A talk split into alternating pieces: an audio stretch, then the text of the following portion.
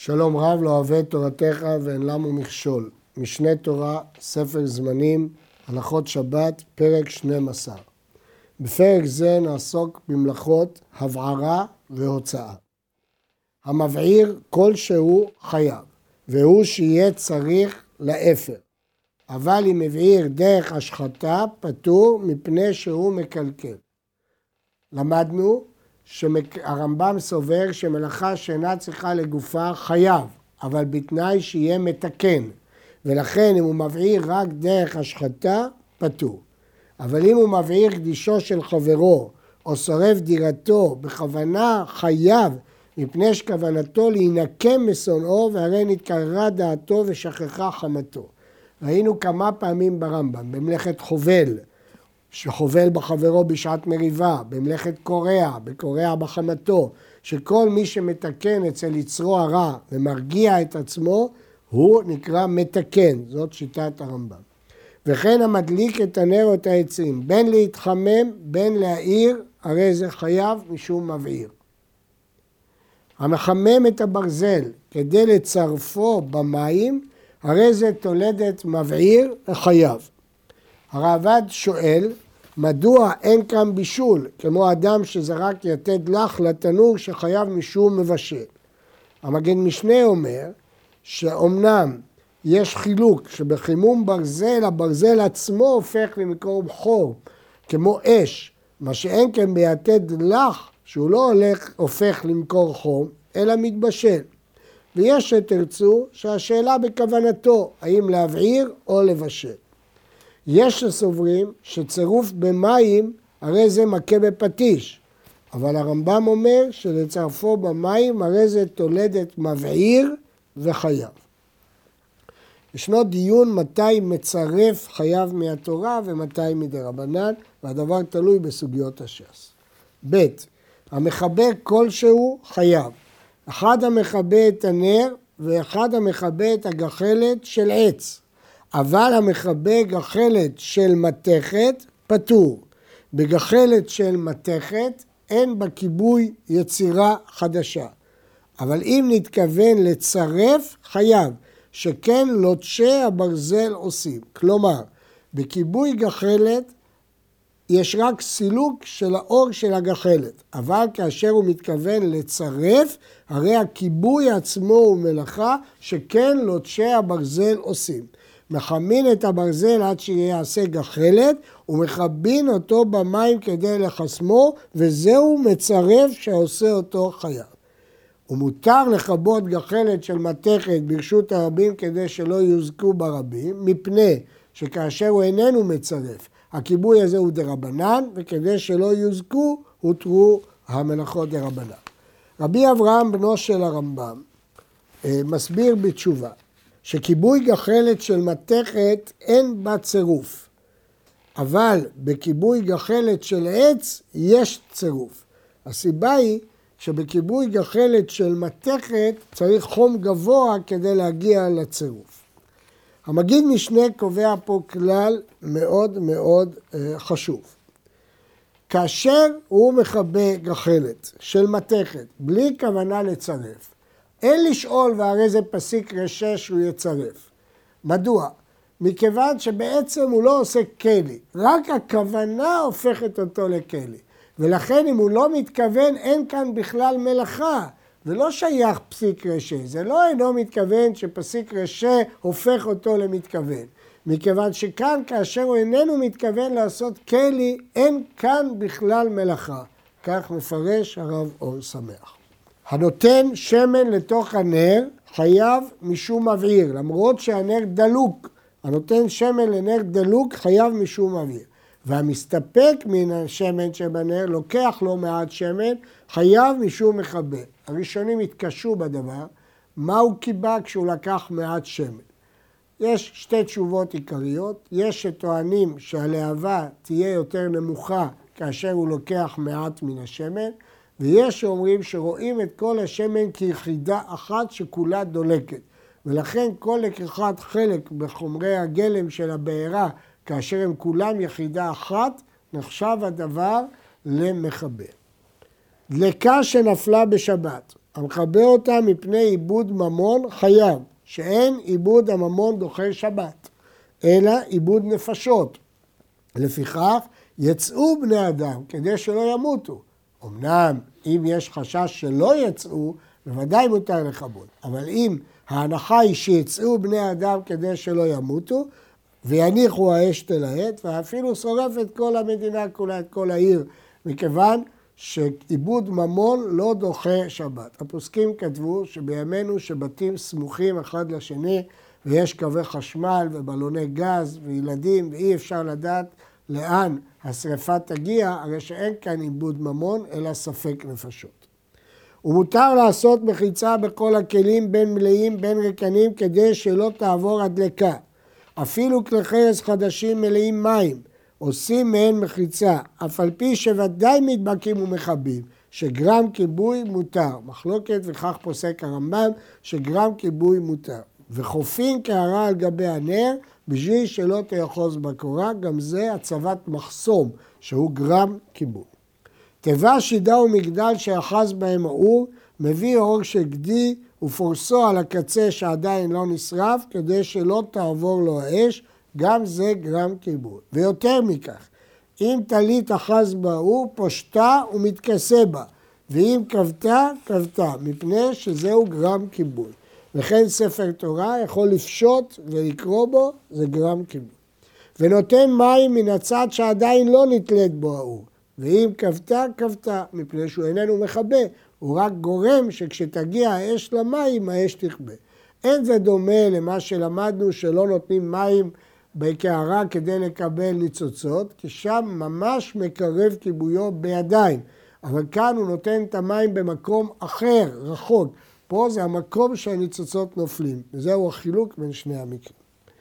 נר דלוק על גבי הטבלה ושכח אותו. נוער את הטבלה והוא נופל, ואם קבע, קבע. אדם שכח נר על שולחן, יכול לנער את השולחן והנר ייפול. ואם קבע, קבע. שואלים כולם, הרי זה פסיק רשע, גם אם הוא לא מתכוון לכבות, הרי זה פסיק רשע שהנר יכבה. התשובה ההגיונית ביותר, שכנראה ההנחה פה שאין זה פסיק רשע. כי אחרת, על סמך מה מתיר הרמב"ם. אבל אם הניחו מבערב, אף על פי שקבע אסור לטלטלה, כי זה הפך להיות בסיס, ובדיני מוקצה נלמד את הדין הזה בהרחבה. נוכרי שבא לכבות, אין אומרים לו כבה ואל תכבה, מפני שאין שביתתו עלינו. כבר למדנו שאמירה לגוי שבות, ואסור להגיד לו בפירוש תכבה, אבל גם אין חובה להגיד לו אל תכבה.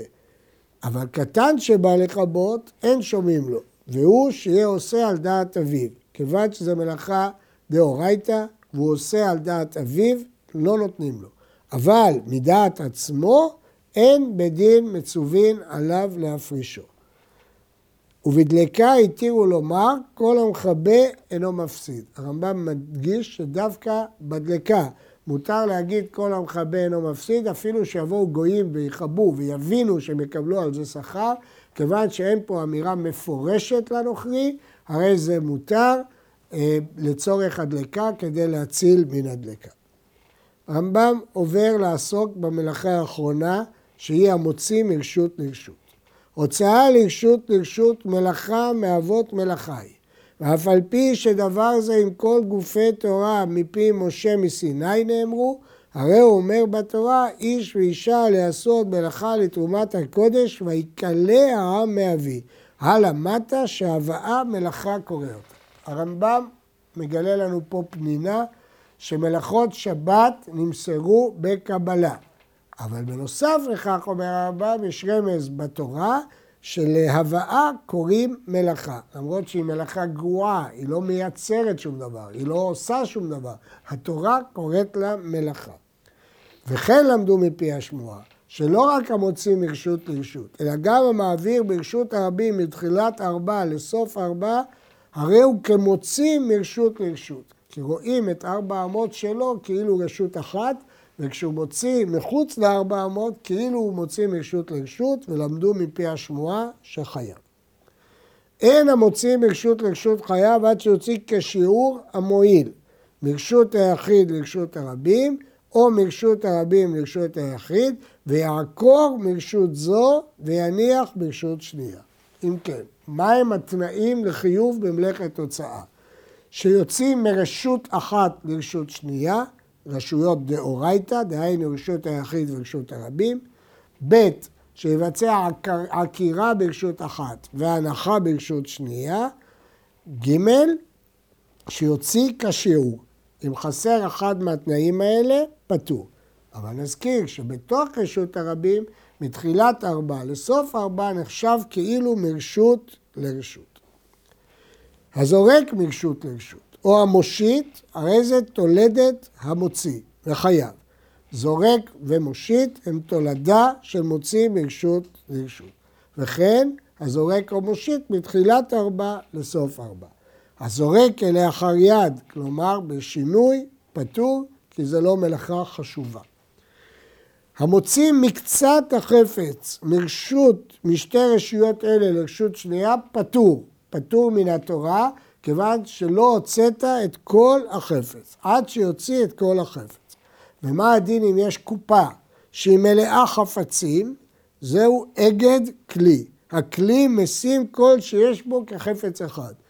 הדבר הזה נקרא אגד כלי, הוא מחלוקת בגמרא, והרמב"ם פוסק שאגד כלי הוא אגד, ועד שלא הוצאת את כל הכלי, למרות שיש בתוכו חפצים שכבר יצאו, אבל הכלי מאגד אותם, פטור. המוציא בין בימינו, בין בשמאלו, בין בתוך חיקו, או במראות הצרורים לו בסדינו, חייב מפני שהוציא כדרך המוציאים. גם ביד שמאל, אמנם לא כותבים, אבל מוציאים. וכן המוציא על כתפו חייב. מה החידוש? אף על פי שהמסוי למעלה מעשרה טפחים ברשות הרבים. יש פה חידוש גדול, הרי לכאורה החפץ נמצא במקום פטור, אבל כיוון שהאדם עומד ברשות היחיד או ברשות הרבים, וכיוון שמסע בני קהת היה כך, למעלה מעשרה, בכתף יישאו, כל המלאכות ממשכן לומדים אותם. ולכן, למרות שמעל עשרה ברשות הרבים הוא מקום פטור, במוציא לעלה מעשרה על כתפו, חייב שכן מסע בני קהת. אבל המוציא בשינוי לאחר ידו, בפיו, במרפקו, באוזנו, בשערו, בכיס שתפרו בבגדו ופי הכיס למטה, בין בגד לבגד, בפי בגדו, במנהלו ובסנדלו פטור, שלא הוציא כדרך המוציא. ומה הדין אם הוא הוציא מסוי על ראשו? אם הוא כבד, שדרך לשים על ראשו ולתופסו בידו, חייב, כך דרכו. אבל אם הוא חפץ קל, כגון סכין או ספר, פטור, שלא הוציא כדרך המוציאים. כי רוב העולם לא דרכם להוציא על הראש. המעביר חפץ מתחילת ארבע לסוף ארבע אמות ברשות הרבים, אף על פי שהעבירו למעלה מראשו, חייב. למרות שהוא העביר דרך מקום פטור, הוא חייב, כי הוא לא הניח במקום פטור. זה פירושו של הגמרא לממרת הגמרא, מעביר דרך עליו, דרך עליו, מעליו. אבל הרעב"ד וראשונים אחרים מפרשים דרך עליו מימינו לשמאלו. כי הם מפרשים עליו כמו דרך עצמו, כמו הפסוק, מדרכיו ישבע סוג לב ומעליו איש טוב. מעליו, דהיינו מעצמו, כמו שהיום נוהגים לומר מאליו. אז לפי הרמב"ם, הוא מעביר למעלה מעשרה טפחים. לפי הראב"ד הוא מעביר מימינו לשמאלו. מה החידוש לפי הראב"ד? אפילו שזה עבר כנגד גופו. מותר לאדם לטלטל ברשות הרבים בתוך ארבע אמות על ארבע אמות שהוא עומד בצידן. שימו לב, מותר לכתחילה. בתוך ארבע אמות מותר אפילו לכתחילה. ויש לו לטלטל בכל המרובע הזה, ובאמה שלו מודדים לו. כל אדם באמה שלו. אלא אם כן היה ננס באיבריו, שבמקרה יש לו יד קטנה מאוד, נותנים לו ארבע אמות בבינונית של כל אדם. מאיפה למדו? מן הפסוק שבו איש תחתיו. מפי הקבלה אמרו שלא יטלטל חוץ למרובע זה, אלא מרובע זה, שהוא כמידת אורך האדם כשיפשוט ידיו ורגליו. בו בלבד יש לו לטלטל. זאת שיטת רבי מאיר, שהאדם הוא שלוש אמות, וכשהוא פושט את ידיו ורגליו הוא ארבע. שיטת רבי יהודה, שאדם שלוש אמות, ואמה נתנו לו כדי להושיט יד להביא חפץ. אבל רבה מזכיר פה את דברי רבי מאיר, שאורך האדם כשיפשוט ידיו ורגליו זה תחתיו, ולכן ארבע אמות הוא יכול לטלטל. היו שניים, מקצת ארבע אמות של זה לתוך ארבע אמות של זה, מביאים ואוכלים באמצע. מה החידוש? שלא חוששים שהוא יוציא מחוץ לארבע אמות, אלא בתוך הארבע אמות משותפות יכולים לאכול. אבל בלבד שלא יוציא זה מתוך שלו לתוך של חברו, שזה מחוץ לארבע אמות.